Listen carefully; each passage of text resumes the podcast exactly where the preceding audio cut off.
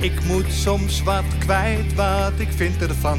Littekens en jeuk, die koester ik maar dan.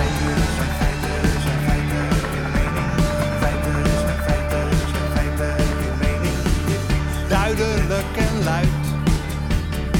Riemen vast vooruit,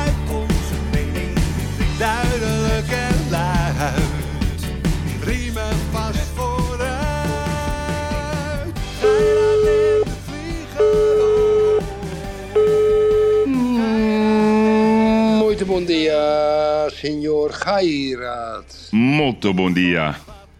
Professor Generaal Erik. Goedemorgen, jongen. hi, hi, hi, hi, kapitein Gairat. Hoe is het? dit- Heb je een lekker weekend, lekker weekend gehad? Ja, ik ben woedend, ben ik. Op? Nou, ik kom hier aanrijden vanochtend bij mijn pand. En wij hebben zo'n slagboom met een mooi parkeerterrein. En de, de hele slagboom is een stuk naar, naar achter. Gewoon, er is dus gisteren blijkbaar iemand met zijn wagen er gewoon tegenaan gereden. Heeft geen visitekaartje achtergelaten. Oh. Vuile, vieze klootzak. We gaan alle camerabeelden... Wat? Dan heb je een boel schade, Yves. Ja, Als een hefboom, als die ontzet is, die kan je bijna het hele nieuwe mechanisme erin gooien. ja. Dan kost je 5000 euro, die grap.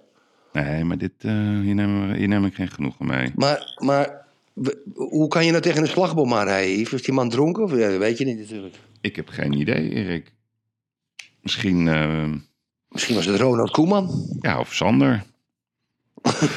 Ja? ik heb geen idee. Nee, maar we gaan het uitzoeken. Maar wat ben je dan Ja. voor, wat ben je voor een ASO? Als je Ja, dus gewoon in je auto, dan rij je hebt een drankje op, of je hebt geen drankje op, of je draait, of je weet het niet. Je rijdt zo'n slagboom aan gooit en denkt, goh, oh, die slagboom is uit zijn voegen. Nou, wat vervelend zeg. Laat ik eventjes mijn auto weer in de achteruit zetten. Een paar weken geleden kreeg ik bezoek van een architect waar ik veel mee werk. En die kwam aanrijden en ik kijk naar zijn vooruit. Eh, Helemaal stuk, helemaal ingeklapt en kapot. Ik zeg, hoe kan dat nou? Hij zegt, ja, dat is op de tolweg gebeurd. Dan heb je ook van die hefboompjes. Hij zegt, maar we kwamen met gewoon normale snelheid aanrijden. Maar, het was twee mannen. Hij zegt, mijn man had dat niet gezien. Gewoon niet gezien. De hele lange weg, 200 kilometer, gereden. En zich niet gerealiseerd dat er een slagboompje zat. En gewoon met 120 kilometer per uur, bam! Die hele, slagroom, die hele slagboom eruit.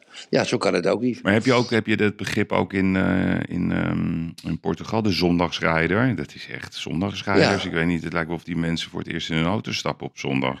Ja, maar een als een Portugees in een auto stapt, verandert zijn persoonlijkheid. Dan wordt het een agressieve idioot. Net zoals bij voetbal. Ja, Mhm. ja, ja, net als bij voetbal. Hey, we gaan iets leuks doen vandaag, dames en heren. Goedemiddag, goedenavond, goedemorgen, eh, trouwens. Lieve mensen, we gaan, we gaan iets leuks doen vanavond, vandaag. Hè? We gaan eh, onze vriend Thomas Acta bellen. Ja, maar dus ik, ik heb hem vanochtend even een appje gestuurd. Was hij natuurlijk weer vergeten. Gaan we hem ook even op aanspreken. Hij vergeet dat gewoon. Dat kan, dat kan. Kan. druk. Ja, maar hij ligt dus, het schijnt dat hij op een tafel ligt als we hem gaan bellen. In zijn, Oh, blo- in zijn blootje, zegt hij ook. Oh. Ik weet niet of hij wordt behandeld door een vrouw. Hij ligt namelijk bij de fysiotherapeut. Dus, eh, maar we zijn natuurlijk heel benieuwd naar onze grote vriend. eh, hoe het Zeker. staat met de Zigo. En eh, waarom hij weer ja, maatjes is geworden met, met de Munnik. Met Peter de Munnik. Ik ben heel benieuwd. Ja, nou, maatjes was hij volgens mij altijd wel hoor. Nou, ik weet nog, ik had hem in de podcast en toen zei ik dat ik het niet begreep dat ze uit elkaar waren gegaan. Omdat ik ze toch zie als een setje, een beetje yin-yang. Yin-yang. Ja, ja. Ja, toen vond hij dat eh, eigenlijk dat ik hem eh, tekort deed. Maar ik zeg, jullie horen bij elkaar. Dus, eh, dat heb je van die twee mensen die bij elkaar horen. Een soort Geirat en de Vlieger. Geirat en de Vlieger. Ja. Nick en, Nick, Nick en Simon. hey, heb je ook zo genoten van het Nederlandse elftal vrijdag? Dat was fantastisch, hè? Ja, ik heb me, ik dat ik 12 minuten uitgedaan. Weet je, ik wil dat niet zien. Kijk, ik laat me niet vernederen. Ik ben ook wel eens bij Ajax in de rust weggegaan toen ze thuis tegen Real Madrid speelden. Toen ze 3-0 achter stonden. Ga ik gewoon weg. En dan noemen ze me maar een mooi weer supporter. Ik ga een beetje die vernedering eh, aanschouwen, zeg. Het was echt verschrikkelijk. Maar het leek wel, het leek wel of heb het... jij de hele- eh, het- Heb jij de hele wedstrijd bekeken, Yves? Ja, ik, ik kon er niet naar kijken. Maar ik zou je wat eh, vertellen. Ik- Benno was ook in dat stadion. En die, ken, die kent ook veel van die spelers. En die zei letterlijk... Het is dat ze elkaar kennen. Dus heel veel spelers die kennen elkaar. Want die, die Fransen, die, die, die, die gingen volgens mij ook gewoon eh, na 30 minuten gewoon even lunchen of zo. Of, of dineren ergens eh, langs de zijkant. En dan gingen ze even kijken hoe het verder ging. En dan deden ze weer even een beetje eh, tempo erin. Hup, goal. Als ze hun best hadden gedaan, was het 7-0, 8-0, 9-0 geworden. Ja, ja. Het was zo, zo, zo schrijnend om naar te kijken, dit niveau. Als dit het niveau is van het Nederlands elftal, nou, dan maak ik me dan wel een beetje zorgen. ja Of zijn we zo afhankelijk van Frenkie en Matthijs de Ligt en Gakpo? Is dat, is dat echt zo dat we als we die niet hebben, dat we dan helemaal niks hebben? Is dat het? Misschien moeten we meer Feyenoorders opstellen, Yves. Nou, we hadden er eentje, Geert Ruida, die, dat ging wel lekker. Nou, Die heeft ook meteen zijn hamstring eh, gescheurd. Oh ja? Ja, nee, maar Erik, joh, je gaat toch niet, niet een open huis houden daar in dat Parc de Prince of hoe heet het stadion, het eh, Franse Ja. stadion. Het, is echt, het was echt niet om aan te zien gewoon. Echt zo naïef, zo geen strijd, zo onder de indruk van de omgeving. De enige die, die nog een beetje oorlog wou maken, dat was Woutje Weghorst. Maar Kenneth Taylor, Erik, Kenny Taylor. Dat is geen, dat is geen, geen Laten we, maar gewoon, mi- laten we maar gewoon het een- als een mis, misverstand bestempelen, Yves. Dat Misverstand, ja? Ja, dat is het veiligste ook voor ons. Kijk, eh, vandaag spelen ze tegen Gibraltar. Ja, het wordt dan Wel lastig wordt dat hoor, denk ik. Ja, Gibraltar is altijd moeilijk. Ken je één naam? Eén naam. Nee. Krijg je 100 euro. Nee, hè? Jo- Jones. Jones? ja. Ja, nee, het is echt... Ja, ik, ik, ik begrijp dat niet hoor, dat het niveau zo, zo hard naar beneden kan gaan. Ik vond het echt heel vernederend. Heel, heel, heel vernederend om hier naar te kijken. Maar jij was enthousiast. Jij zei dat ze gingen winnen. Ik, ik, ik was ervan overtuigd dat het een 2-3-0 voor Nederland werd, Yves, dames en heren. Ik, ik heb vrijdag gewoon, ik was er gewoon helemaal van overtuigd. Ik heb zelden zo fout gezeten met mijn gedachten. Nou, Kaag. En, en de Kaag zou volgens jou de nieuwe minister-president van Nederland worden. Daar was je echt Ja. duizend procent van overtuigd. Was ik duizend procent van overtuigd. En Rutte Dat- zou het eh, WEF gaan leiden. Dus eh dat ik klinkt denk dat dat een beetje was. complotterig. Wat zeg je? Ja, Nee. Rutte, en, Rutte en het WEF ben ik nog steeds van overtuigd. Maar, maar ik denk dat dat, het, dat dat het plan van Rutte en Kaag was, ja. Ja? Maar dat door de verkiezingen en zo en door, die, door de, alle problemen... eh, dat dat roet in het eten heeft gegooid. Ik ben, ik ben er nog steeds van overtuigd dat dat hun plan was. Ja, ja, ja. Hey, vind jij trouwens ook dat... ehm, dus, dus er is nu een opkomst, hè, dat eh, het klimaat is een persoon. Heb je dat een beetje gevolgd? Nee, ik, ik heb wel gevolgd in het parool dat kolonialisme, kolonialisme en, en klimaatverandering met elkaar te maken hebben. Oh, oké. Parool. Die wordt ook met de dag gekker, hè? Ja, maar die zijn helemaal gek. Ja, bij- Dat is helemaal dat is niet normaal, man. Een soort krankzinnig instituut. Ja, ja. Als jij een keer in eh, Amsterdam bent, gaan we gewoon random met z'n tweeën naar de redactie van het Parool. ja die hoofdredactrice moeten we even mee. Moeten we, moeten we een gesprek mee aanvragen. Ja, gaan we gewoon, eh, gaan we gewoon koffie drinken daar. Nee, maar het, het klimaat is dus een persoon. Dus eh, er komen steeds meer mensen die vinden dat eh, het klimaat verdedigd moet worden, omdat, eh, omdat, zij, omdat die niet voor zichzelf kan opkomen. Dus de EU-rechter die gaat nu kijken of klimaatfalen een schending is van de mensenrechten. Dat is de EU-rechter. En zag ben je niet. Waar heb je dat gelezen, ja? Voorpagina van Financieel Dagblad. Oké. Ja, en er was ook een meisje gisteren, een heel mooi meisje. Bij, eh, ja, je kan hem gewoon bellen. Jos die zit er met de vrouw. Bel maar, we lullen gewoon lekker door je. Misschien heeft de Thomas de oplossing. Hallo. Ja, Thomas? Hey, goedemorgen, goedemorgen. Heb je, Hi, je heb je je kleren aan of uit? Hey, nee, nee, ik heb, nou, ik heb, ik heb wel iets aan, want anders eh, mag dat ook weer niet natuurlijk.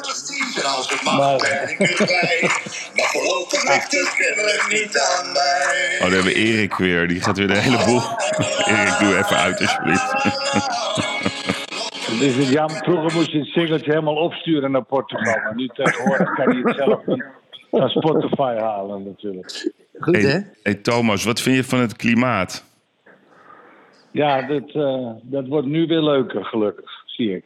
Wa- Oh nee, dat is het weer, excuus. Oh, oké. Nee, maar... Klimaat, ik ben een groot voorstander van het klimaat. Is dat, eh, Ja, ja. Nee, maar dat zit de jij... vraag die jullie voorbereid hebben, jongens? Ja, ja, we hebben het heel goed voorbereid. Zit jij ook bij Nou, Extinction... nou, nou. Was je bij Extinction Rebellion eh, dit weekend in Eindhoven?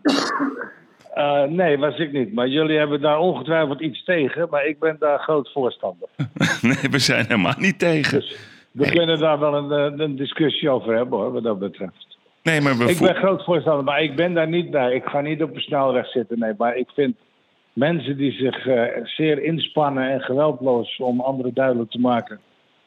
dat we op moeten passen dat we niet onszelf van de aardbodem afwerken... dat vind ik een goede instelling. En, en hou jij jezelf eet jij geen vlees meer? Ik eet maar twee keer per week vlees. Ik heb een elektrische auto. Ik woon klimaatneutraal. We hebben toiletpapier van, eh, hoe heet dat, de Good Roll. Ja. Ik geloof dat hoe meer ik veeg, hoe meer bomen zij planten. Dus soms doen we wel eens een velletje extra alleen voor het milieu. Oké, want ik had wel. eh, gisteren zat ik te googelen en ik heb een bericht van de ANWB van 21 november 2019. En er staat dat de productie van accu's voor elektrische machines en apparaten. Is net Ja. als een elektrische auto heel erg vervuilend. Bij de productie van een accupakket voor een elektrische auto wordt 9 ton meer CO2 uitgestoten dan voor een conventionele auto. Godverdomme, Yves, wat heb je moeilijke vragen allemaal, zeg. Het zou best zijn, maar ik denk als je verder zoekt, Yves, kom je nog op leuke dingen. dus je zit nu al in 2019. Thomas, Dus er zijn nog 2000 jaar te gaan voor jou om te zoeken, jongen. Hartstikke goed. Tho- Thomas, Ja, hey Erik. ik... Ja, jongen, alles Laten goed, wij het maar verder doen inderdaad. Nee. Eh, e- even een ding. haal even koffie. Ja, Ik, ik was ook net zo verbaasd. Ik las dat jullie echt in een paar uur drie keer die Ziggo Dome hebben uitverkocht. Ja, dat was in Dat- een kwartier. Maar, maar eh, Elke vijf minuten was er één voorstelling uitverkocht. Ja, dat verbaast mij ook werkelijk wat, over. wat een bevrediging voor jullie allebei. Ja, als dat je, was als nog je fijn. zegt, ja, als je toch zegt, we gaan het weer doen, is er toch een stuk onzekerheid bij. Ook bij jou. Ja, en, Ja. en dan in, één keer alles drie keer uitverkopen. En ja, dat, daar was ik zelf ook een beetje van onder de indruk. Ja, ik was er niet zo eh, vol van vertrouwen van, zeg maar. Ik had al meteen toen ze zeiden zaterdag doen we de verkoop, had ik met mijn zoon een museumbezoek in Drenthe gepland. Ik dacht lekker ver weg en de telefoon laat ik Nee. uit. Ja. Dus ik heb het gelukkig niet meegekregen, maar... eh, Heb je je huis ja, al verkocht? mensen, mensen in het museum wel. Heb je Mensen heb je, huis al verkocht? Nee, dat heb ik niet verkocht. Moet die verkocht? nee, je wil je huis toch verkopen? Oh, die is, die, die is al lang verkocht, ja. Dat, Oh, goed zo. Maar Dat via, is ook een heel verhaal, maar dat maakt verder niet zo Oh, oké.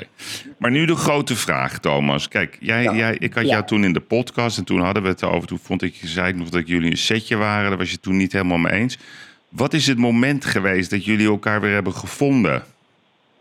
Ja, nou, ik was het er natuurlijk wel mee eens. Alleen het is eh, niet, eh, ja, weet je, het is, het is niet zo handig om te zeggen dat je dat wel leuk lijkt. Als iemand dat niet wil, zeg maar. Nou ja, dit is heel vaag. Knip dit er maar uit. Waar het om ging was dat we stonden in Ahoy.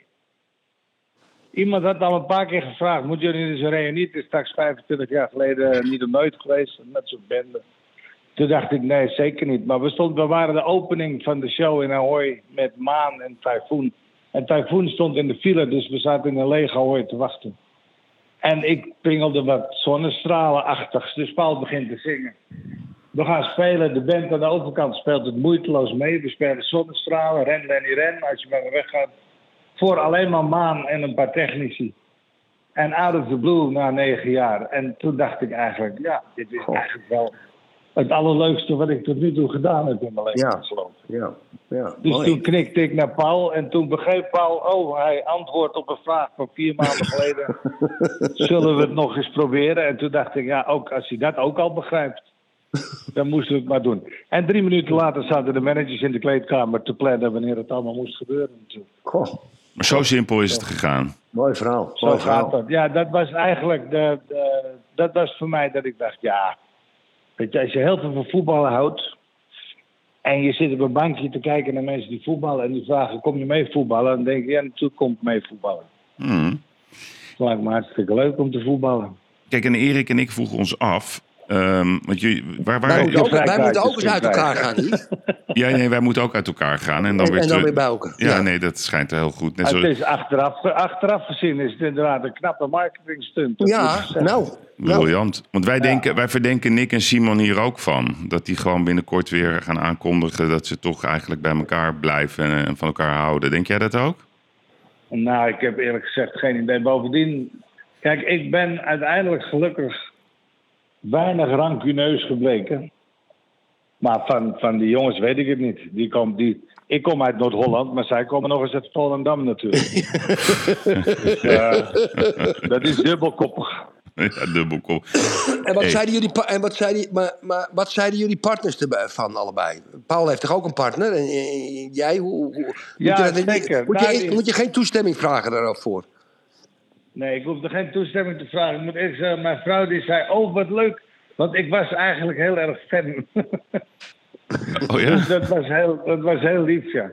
En ze hopen dat er nu thuis weer de muziek gedraaid mag worden, maar dat is niet zo gelopen. Zat daar een verbod op een tijdje?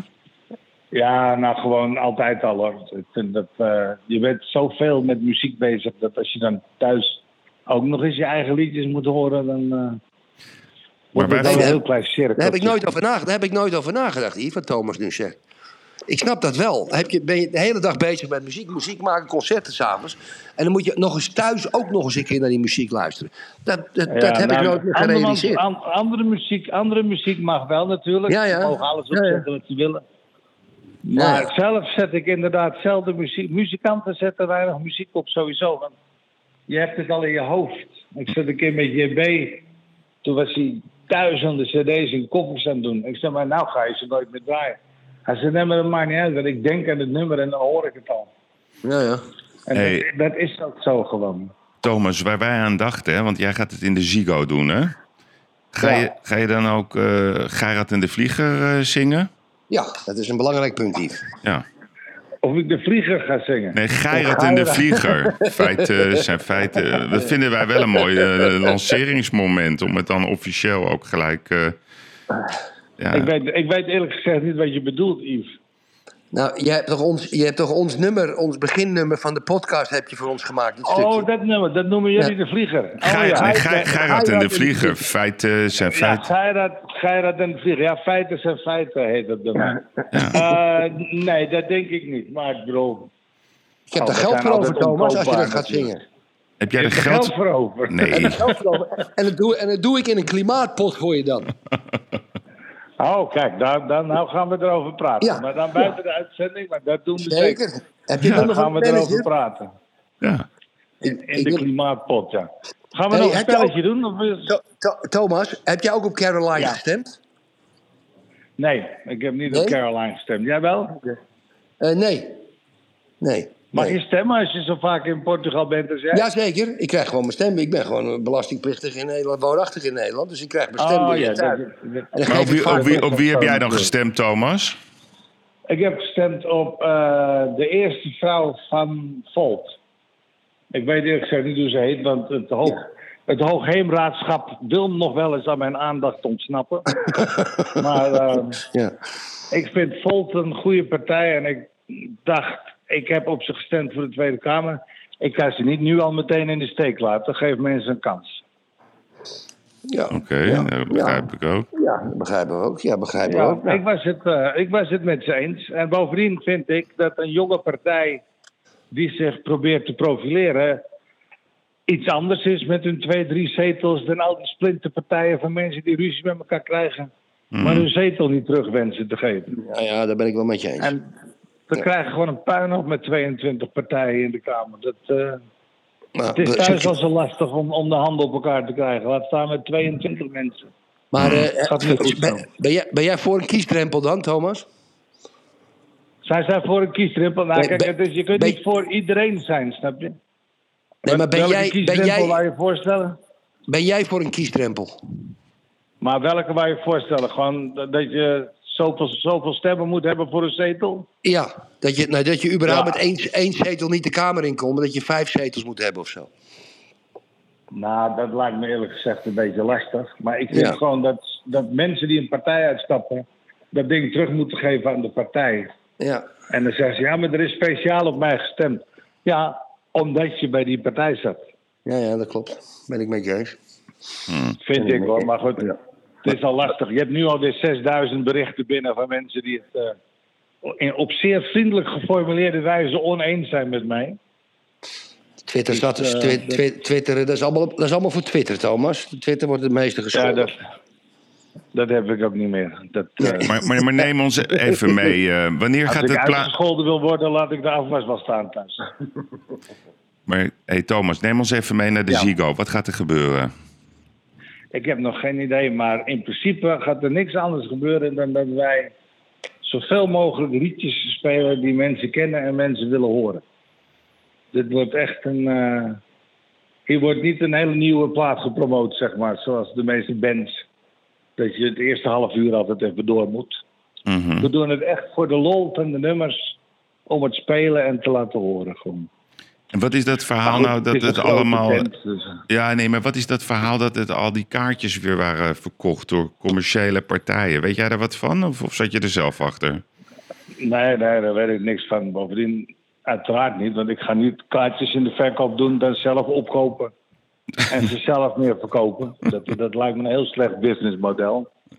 Maar mensen mochten geloof ik tot acht kaartjes kopen. En er zijn gewoon types in Nederland die hebben studenten in dienst en die krijgen een creditcard. En die moeten zoveel mogelijk kaartjes zo snel mogelijk op zo snel mogelijk computers zien te kopen. Daar is weinig aan te doen.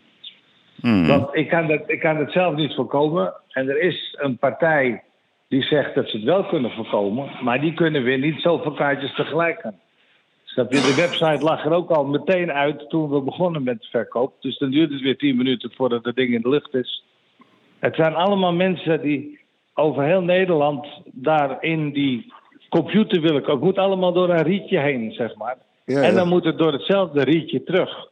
Dus om zoveel mogelijk mensen kaarten te kunnen verkopen, moet je met een partij werken die dat aan kan. En dan kunnen we wel de beperking geven van je mag, nee, je mag geen honderd kaarten kopen tegelijk. Dat is goed, maar dan zijn er altijd handige jongens. Ja, er is heel weinig aan te doen tot de regering daar eindelijk eens iets aan doet.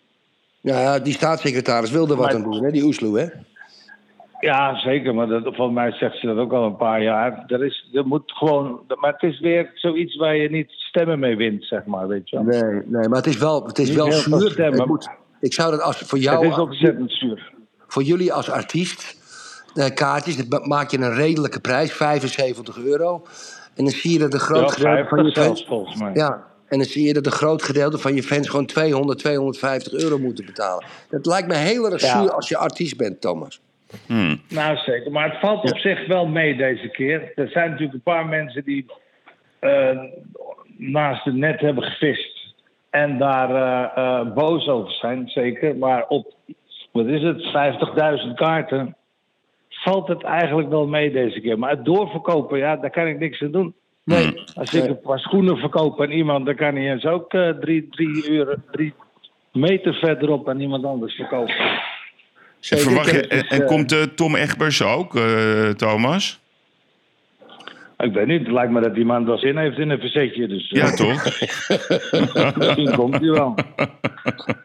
Maar het nooit is echt vreselijk. want- Maar het zijn gelukkig maar een paar mensen. En voor die mensen zeg ik maar... eh, dat is dan voor jullie een primeur die ik waarschijnlijk niet weg mag geven. Er wordt vanmiddag naastig vergaderd in de Ziggo om te kijken of er niet nog een dag bij kan. Goh, lekker man. Oh. Zodat we, zodat we nog meer mensen... Maar ja, Ja, wij willen ook. ook niks aan doen. Maar wij willen ook komen. Want hoe, hoe moeten we dat doen dan? Ah, ik koop die kaartjes op de zwarte markt. gaan zetten. Ik zet, ik zet mijn telefoon weer uit straks. maar ik, ik zou inderdaad, ik zou nog niet op de zwarte markt kopen. Er is, er is enig, maar ja. Maar zie je, daarom zet ik mijn telefoon altijd uit. Ik weet het niet. Straks zegt de Psycho Dome, nee, sorry, we zitten helemaal vol. Dan is het te hopen dat, dat Ed Sheeran een been breekt. Ik kan ook... eh, Thomas, krijg jij, krijg jij nou... Ik heb een persoonlijke vraag aan je. Krijg je nou... Ja. het- Dus er komt zo'n persbericht uit, hè, jullie gaan weer samen optreden. Krijg je dan ook allemaal WhatsAppjes en berichtjes van mensen... die je een hele tijd niet gezien hebben... die om een kaartje bedelen? ja, Ja, hè? ja, absoluut. Wat ontzettend leuk zeg. Ik ben je nicht uit Koevoorde. Wat ontzettend, eh, ja. Ja? Maar we hebben, daar, eh, we hebben daar iets op verzonnen, gelukkig. Op de managers. Die hele gastenlijsten, die zijn er nog niet. Die komen in oktober pas. Omdat we, ja, we moeten eerst kaarten verkopen. Ja. Want als ik zeg, ik heb 500 kaarten voor mezelf apart gehouden, is het ook weer niet goed. Nee, nee, Maar nee. ik moet zeggen, het gaat ontzettend goed. Hoor. Heel veel mensen hebben wel kaarten gekregen.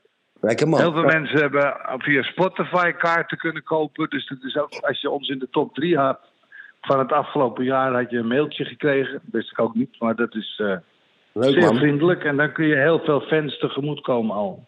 Ik wil met mijn Portugese vrouw Ah, komen, de notaris. Yves? De notaris. Ja. Ja. Ik ben met de Ja. notaris getrouwd. Geloof, is ongelooflijk, Thomas. Ja, nou, dat Ik- is ook heel verstandig in jouw geval, denk ik. In, een Amsterdamse vastgoed cowboy met een Portugese notaris. Ze hebben weddenschappen Ik kom, afgesloten ik, kom eerst, ik kom eerst wel eens even golven daar met jullie. eh. ik ben inmiddels ook 56 en bij de fysiotherapeut, dus ik mag met jullie meelopen baan. Gezellig. Oh, maar kan je, wat is je handicap eh, op de baan dan, hè? Niet in algemene zin?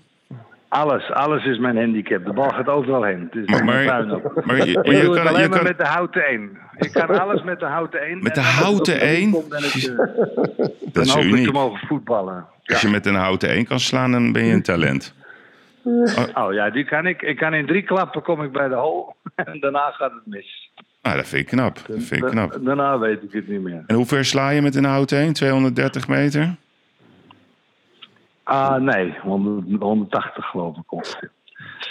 Maar goed, ik moet me nu omdraaien, dus dan wordt mijn eh, gesprek heel raar. Ja, de nee, we gaan de Nee, maar eh, we vonden het gewoon even leuk om je te spreken, Thomas. Dus wij, wij zijn erbij. Wij zijn Ja. erbij. ja, Gefeliciteerd. hartstikke leuk. Ik hoop dat jullie dit interview niet langer dan twee minuten maken. Want Ja. ik heb ongeveer voor anderhalf minuut iets interessants gezegd. Ja, nee, we, we, we, gaan, we, we, we, we gaan, we gaan het al even allemaal aanpassen. Oké, de fysio is begonnen aan de hamstring. Is het een vrouw of een meneer? Nee, het is een hele sterke meneer. Oh, oké. Nou, dan is dat ook weer Holy veilig. fuck, jongens, ik spreek jullie. Oké. Dankjewel. Dag Thomas. Veel Hoi, plezier. Hoi, hoi, hoi, hoi, hoi. Ja. Ja, ja, ja, dat was onze vriend Thomas. ja. Nog ongelooflijk dat, die, dat ze dat ding zo snel verkocht hebben. Hoe, hoe populair ze nog zijn, hè? Ja, nee, maar ik weet het. Ik vind het zo grappig wat hij net zei. Dat, hij zat toen bij mij in de podcast en toen zei ik nog tegen hem... Maar jullie horen bij elkaar. En dan toch die ontkenningen. Hè? Als het niet zo is, er moet toch er iets gebeurd zijn. Er is wat gebeurd, ja. Dat zei hij Ja. ook. Er is wat gebeurd. Zeg Yves even over deze podcast van vandaag. Ja, Eh, we zijn even met Thomas begonnen. En we hebben altijd, bespreken altijd de politiek. Maar ik heb eigenlijk helemaal geen zin om over de politiek te praten. Het hele weekend al die mensen zitten te zeuren. Die columnisten van die grachtengorde kranten. Die Caroline, die is, dat deugt allemaal niet. En, eh, en weet ik, ze, ze- ze zijn, Sta je buiten? ja, ze zijn allemaal bang, hè, Yves? Wat is, wat is dat toch allemaal? Heb En helemaal- Tamara zei dat goed vanochtend. Die zei... eh, oh, wacht, ik krijg even een appje van hem. Even kijken wat... eh, hij vond het wel leuk. Ja. ja. Eh, knip het kort, zegt hij. Ja, ja, Wij knippen nooit, toch? Ja, we knippen nooit meer. Nee, maar Erik, eh, Tamara zei het goed. In Nederland is het zo, als je de underdog bent, ben je populair. En als je dan de winnaar bent, dan moet je weer kapot. Dat is Ja. wel een beetje het criterium van ons land. Ja, altijd zo. Ja. Maar dat, in de voetballerij hebben we dat altijd gezien. Het mooiste voorbeeld vind ik nog Guus Hiddink. Die was toen echt wel een prima coach. Nou, die moest kapot, eerste belastingdienst. En die, werd, die werd pas populair toen hij naar, naar Korea ging. Ja, ja. Wij, houden wij niet van winnaars? Hebben we een hekel aan... aan Nee, dat is dat? dat? Dat, is menselijk. Dat is menselijk. Dat is een hiërarchisch gevoel. En iemand aan de top, dus de baas, die staat altijd onder druk. En dan willen, ze- die willen ze altijd zijn. En dan wordt het heel negatief. Iedereen die heel populair is of iets goeds doet. Of een tv-presentator die, die heel goede kijkcijfers heeft. Ja, dat moet dan allemaal aangevallen worden. Ja, dat, dat, dat is nou helemaal zo, Yves. Dat, Ja. is, dat is menselijk. Ik denk dat het overal in de hele wereld zo gebeurt. Maar het lijkt wel of een soort paniek is uitgebroken ehm, door zeg maar de elite. Hè? Dus dat Poen links van ons, dat heeft goed gewerkt. Dat kan je Ja. niet anders zeggen. Die, die Ja. boodschap is eh, heel erg aangekomen. Rijk links, Poen links, noem het dan maar op. Mhm. En er is nu een soort eh, stil verzet via de columns van de bekende krantjes. Waarin eh, ons per dag wordt gewaarschuwd van hoe gevaarlijk het wel niet is als BBB de macht gaat krijgen in Nederland. Ja, en, en, en de reden, omdat het laag opgeleid en oud is.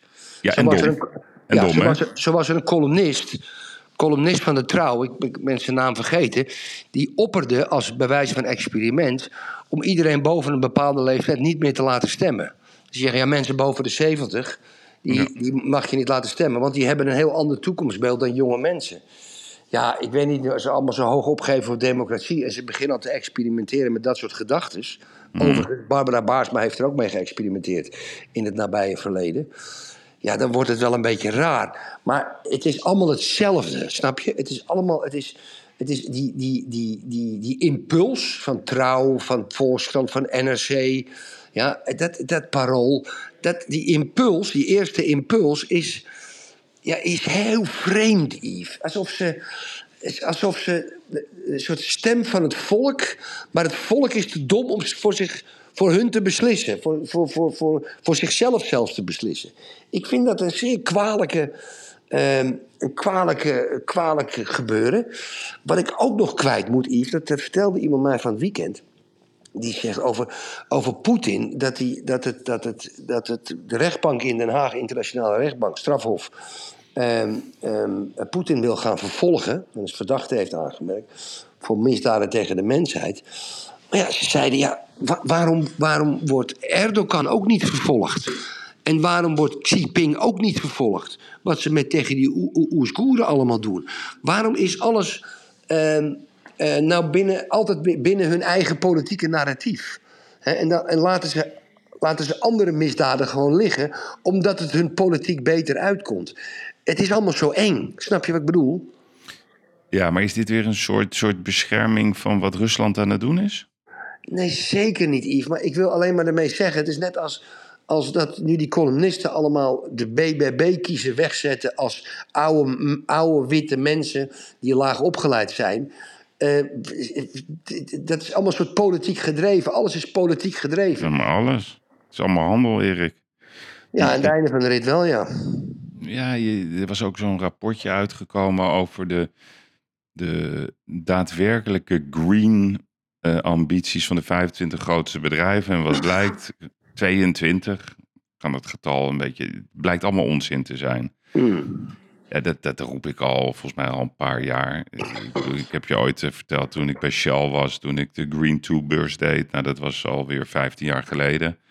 Ja, dat, dat, dat het alleen maar meedoen was omdat, eh, omdat dat goed is voor het eh, stickertje wat ze hebben. Hmm. Ja, ik, wat ik niet snap, dat we niet willen overgaan tot de orde van de dag. Ik zat gisteravond, zag ik een reportage van Nieuwsuur over de batterij. En toen kwam ik dus op wat ik net eh, citeerde, van dat ANWB-dingetje van 2019. Hè? Dus dat de elektrische auto is eigenlijk vervuilender. En er was een, een heel leuk eh, eh, reportage over een bedrijf in batterijen in Nederland. Gigantisch bedrijf in Helmond. En de hele toekomst, Erik, gaat draaien om de batterij. Dus nogmaals, ik zeg het tegen jou. Ga als de sodemieter op zoek naar gronden in Portugal die je voor weinig kan kopen, waar lithium in zit. Dat is het nieuwe Mhm. goud. Hmm. Kobalt, nikkel, Erik, als je, daar, als je daar toegang toe kan krijgen, dat is goud. Ja, Zelfs als, eh, als, als, als, als gewoon een, een soort, soort open stuk grond waar allemaal eh, biljetjes van 500 euro liggen. Je hoeft het alleen maar op te rapen. Maar hoe weet ik dat ergens lithium in de grond zit? Kan ik dat ergens lezen? Heb je een artikeltje voor me? Dat ik, misschien in de Algarve kan ik, eh, kan ik Ja, ik weet niet, maar je, kan- ik, heb, ik ben een leek op dit gebied. Maar je Ja. zou toch wel iemand kunnen vinden die weet waar, waar lithium zit in Portugal. Je moet, dat, je moet dat gaan kopen, Erik. Als de sodemieter. Oké, doe je mee? Ja, ik doe Ja, zeker mee. Kunnen we een Ja. fondsje opzetten, leuk, met allemaal mensen. Lithium, lithium, Geirat en de vlieger lithium. Nee, maar het is, het, het is, alles wordt batterij. En wat ik dan, wat ik net bedoelde eigenlijk, waarom, waarom kunnen wij niet als land ervoor kiezen? Want Nederland heeft ook heel veel lithium in de grond. Nee, kunnen, jawel, in het water. In het Oh water, ja. Heel veel. Waarom kunnen we niet eens een keer gewoon overgaan tot ideeën in plaats van de hele tijd elkaar maar de maat te nemen? Gewoon maak Nederland een land wat gewoon kan voorzien in zijn eigen energievoorziening. Ja, mooie gedachte. Maar ze willen Ja. niet werken. Ze willen geen verantwoordelijkheid nemen. Niemand. Niemand, Nee. niemand, niemand. Nee, nee, nee. Ze willen vooral, vooral vertellen wat je niet goed hebt gedaan. En niet afgerekend worden op eigen prestaties. Dat is gewoon de, de kern van, van, van het landelijke probleem wat we hebben. En wat vond jij van die dreiging dan van Poetin? Die gewoon kernwapens gaat sturen naar Wit-Rusland. En, en Medvedev die roept eh, gewoon even terloops, moet je nagaan. Hè? Dat het gebouw in Den Haag wel moet oppassen. Nou ja, dat, zal ik is- je precies vertellen Dat wat ik zegt hij letterlijk, Erik. Ja, ja, letterlijk. Kijk, kijk, weet je wat het is, Yves? Kijk, eh, dat is natuurlijk, zowel van Poetin als van Medvedev is dat natuurlijk ehm, ehm, krankzinnig. Ja, slechte mensen, slechte mensen. Maar eh, kijk, het is altijd een reactie, altijd een reactie op iets wat gebeurt. Kijk, en, en natuurlijk fout Rusland, natuurlijk fout Poetin, natuurlijk fout Medvedev. Maar het is allemaal actie-reactiepolitiek. Want de, de EU en Amerika zeggen dat ze bepaalde dingen met verarmd uranium aan.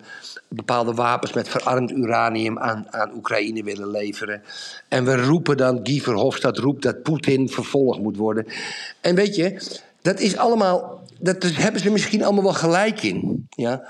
Maar waarom, we moeten wel ook eens een keer in die communicatie eens een keer proberen om de-escalerend te werken. De-escalerend en niet escalerend. Natuurlijk is, zit Rusland fout. Ja, ja voor, voor 90% zit Rusland fout. Maar wij zitten, het Westen, zijn ook een stuk fout. Ja, ik noem dat dan 10%, het kan ook wel 20% zijn. Wat ik wil, en dat wil jij ook, lieve Yves, is dat we eens een keer iemand hebben die gaat de-escaleren. Omdat er duizend jonge Oekraïners en Russen door de gehaktmolen gaan. eh, Elke dag. Elke 24 uur sterven er duizend jonge, jonge mensen. Van welke pluimage dan ook. En ik, ik zoek de de-escalatie, Yves. Oké, dat is een goede gedachte. Maar dan heb ik een de-escalatievraag aan jou. Oh. Vind jij dan dat eh, Taiwan eigenlijk gewoon gegeven moet worden aan China? Wat je nu ziet hè, is dat die Zuid-Amerikaanse landen eh, deals maken met China... waarin ze hun handen afhouden van eh, Taiwan. Dat Mhm. eh, de een na de andere overeenkomst wordt gesloten. Het is allemaal handel. Dus de Chinezen zeggen, joh, gun ons nou Taiwan... en dan gaan we bij jou investeren... of we gaan bepaalde projecten subsidiëren. Mhm. Vind jij dat, eh, want je, je, je kan er de klok op gelijk zetten. Er komt natuurlijk een moment dat de Chinezen zeggen: wij gaan eh, Taiwan weer Chinees maken. Ja.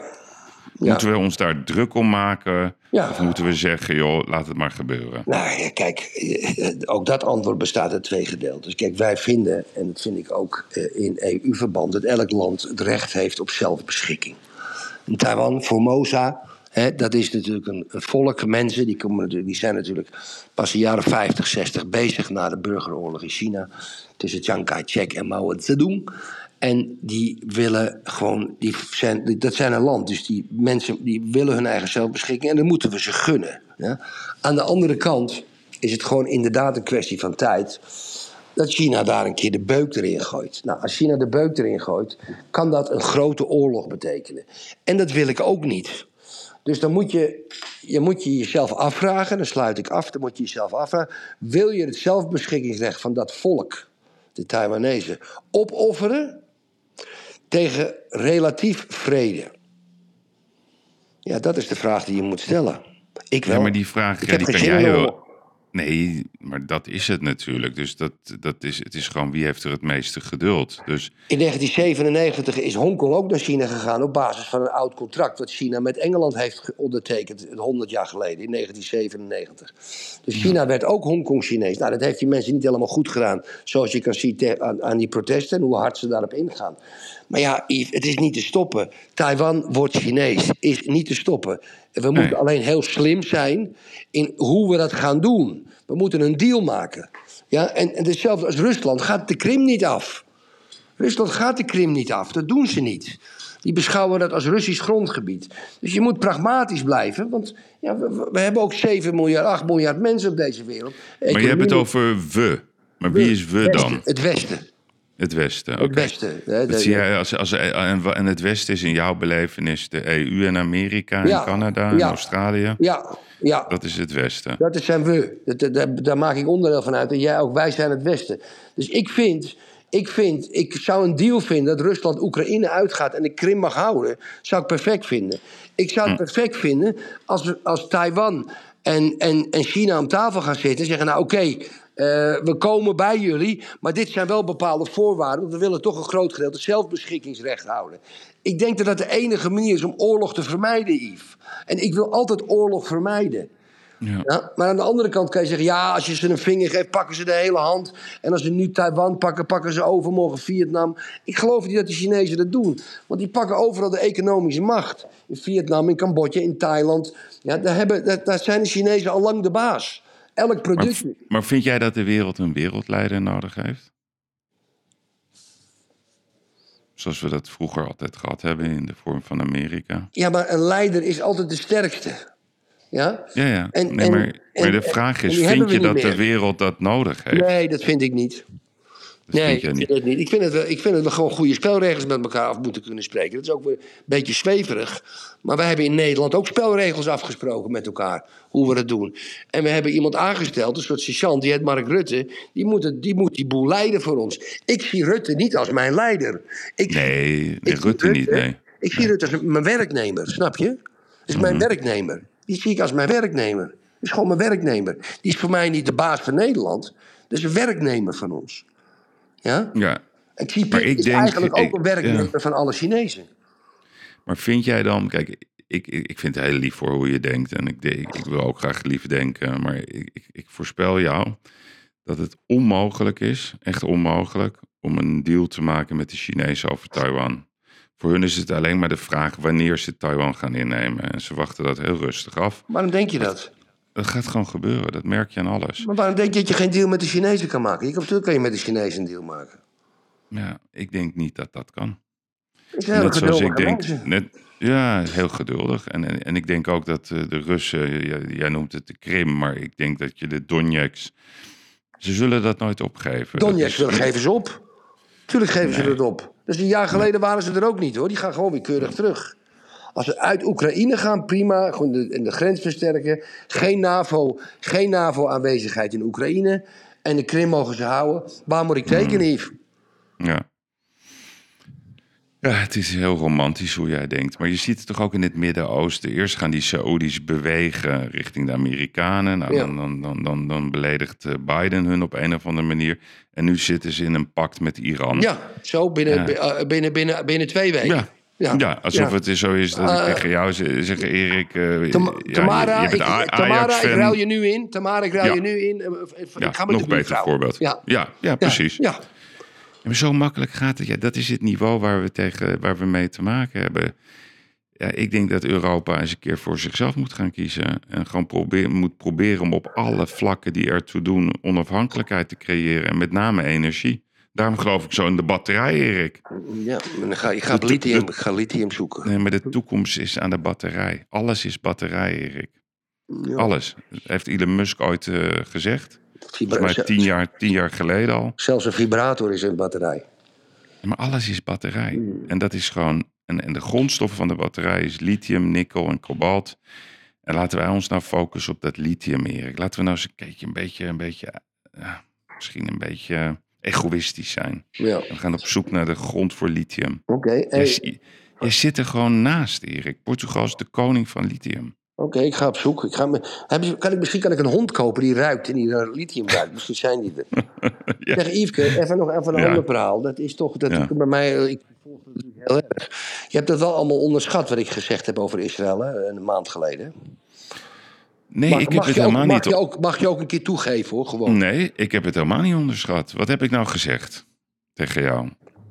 Ik weet niet of je geluisterd hebt, maar wat zei ik nou tegen Nou, jou? om te beginnen, begin je me eerst, toen ik erover begon, ergens op de WhatsApp met artikelen, toen wist je geen eens wat er aan de hand was.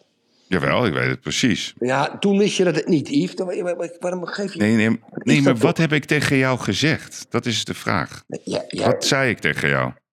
Jij hebt tegen mij gezegd dat. ehm, eh, dat, dat het, is, het is een kwestie van. van eh, hoe, hoe de Israëlische maatschappij nu aan het bewegen is. wordt door de internationale media. wordt het negatieve eruit gehaald. Dat heb je gezegd.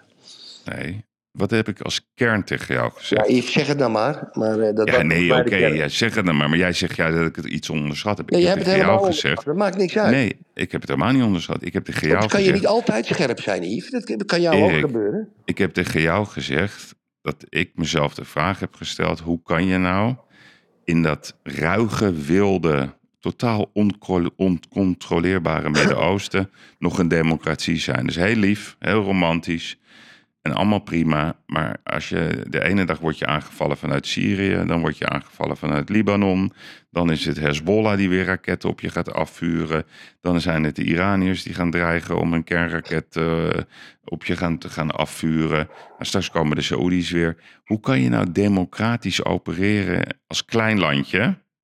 Gewoon een mini-landje. Hoe kan je dat nog doen? Nou, dat is het probleem van, de, van, van Israël. Dat Nee. ze op democratische gronden beslissingen moeten nemen. Yves, Dat kan dus niet meer. Yves, ik ga jou vertellen waarom je totaal ongelijk hebt. Naar mijn, naar mijn beeld naar Israël toe. Naar mijn beeld, zeg ik erbij. Ja, Kijk, romantisch elke beeld. dag, elke dag heb ik gezien op televisie en in de kranten... dat er tussen de 150 en de 250.000 mensen in De straat Israël opgaan. de straat Ja. opgaan. Er Ja. worden de, de, de, commissaris, de politiecommissaris van Tel Aviv is de straat op ontslagen, mocht weer terugkomen. Eh, Ja. De minister van Defensie is gisteren ontslagen omdat hij een interview heeft gegeven dat hij de hervormingen te strak vindt. En vanochtend lees ik dan opening ja, door, in de Israëlische media. Netanyahu stopt tijdelijk de omstreden hervormingen na massale protesten. Nou, ik ga jou vertellen, dit is het toonbeeld van democratie, wat Israël ons zelfs heeft geleerd, hè, met onze grote mond over, over democratie. Zelfs nu dat de Israëlische bevolking zegt, jullie gaan te ver. Het, he- het heeft Het is heel interessant om te lezen. Eigenlijk gaat het terug tot 1948, wat ze nu aan het doen zijn. Met de, met de, met de seculaire en, en, en zeg maar de gewone Joden, hoe hoe ik dat moet noemen. En het is zo fantastisch dat door die grote druk van de Israëlische bevolking. met die vreedzame protesten, gewoon vreedzame protesten. en allemaal in goede banen geleid.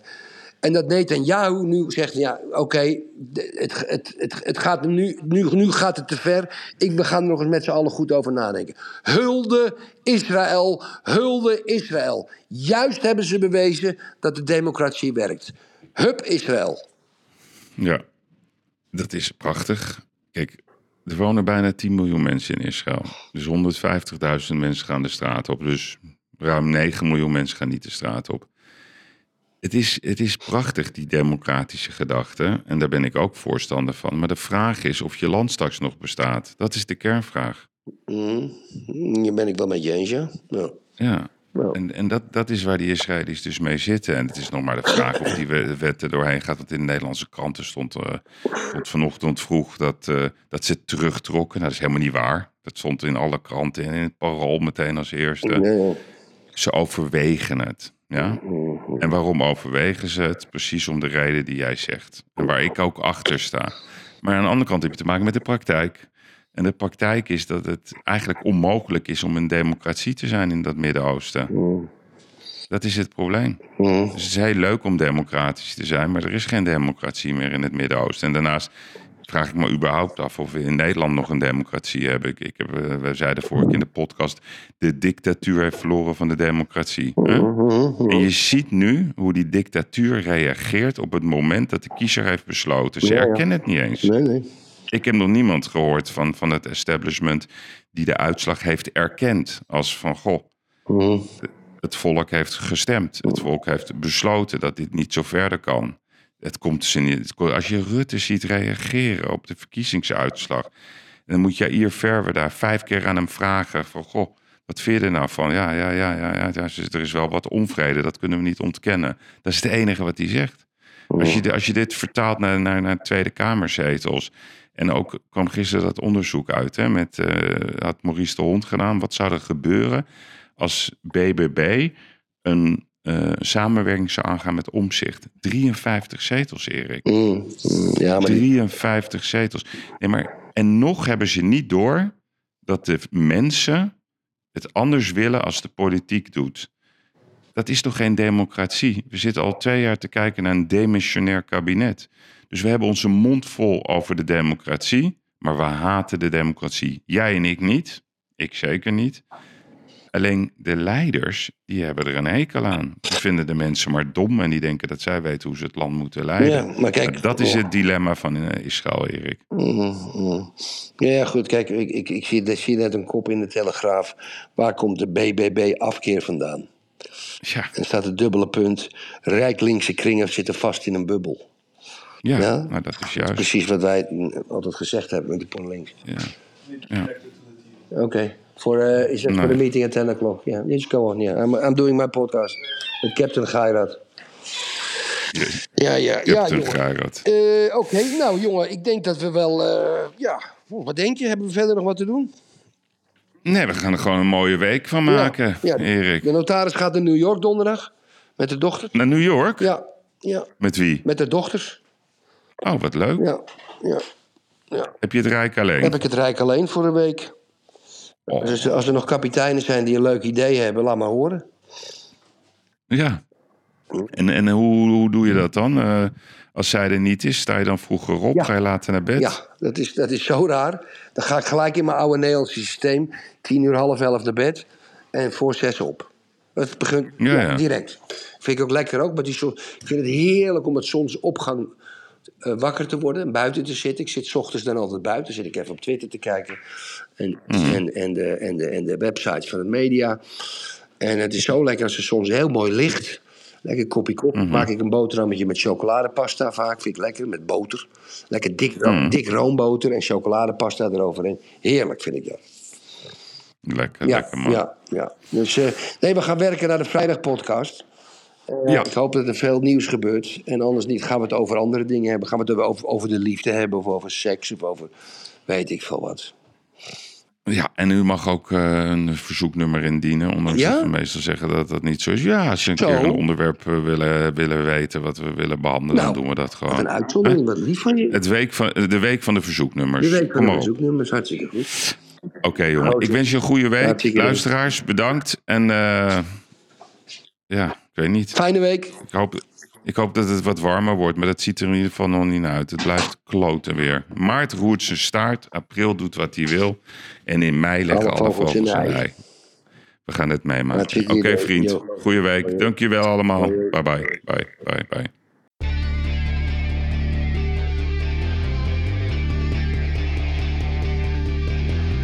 Ik moet soms wat kwijt wat ik vind ervan. Littekens en jeuk, die koester ik maar dan.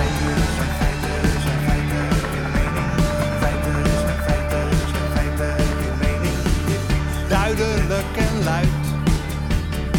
Riemen vast vooruit onze mening. Duidelijk en luid. Riemen vast vooruit.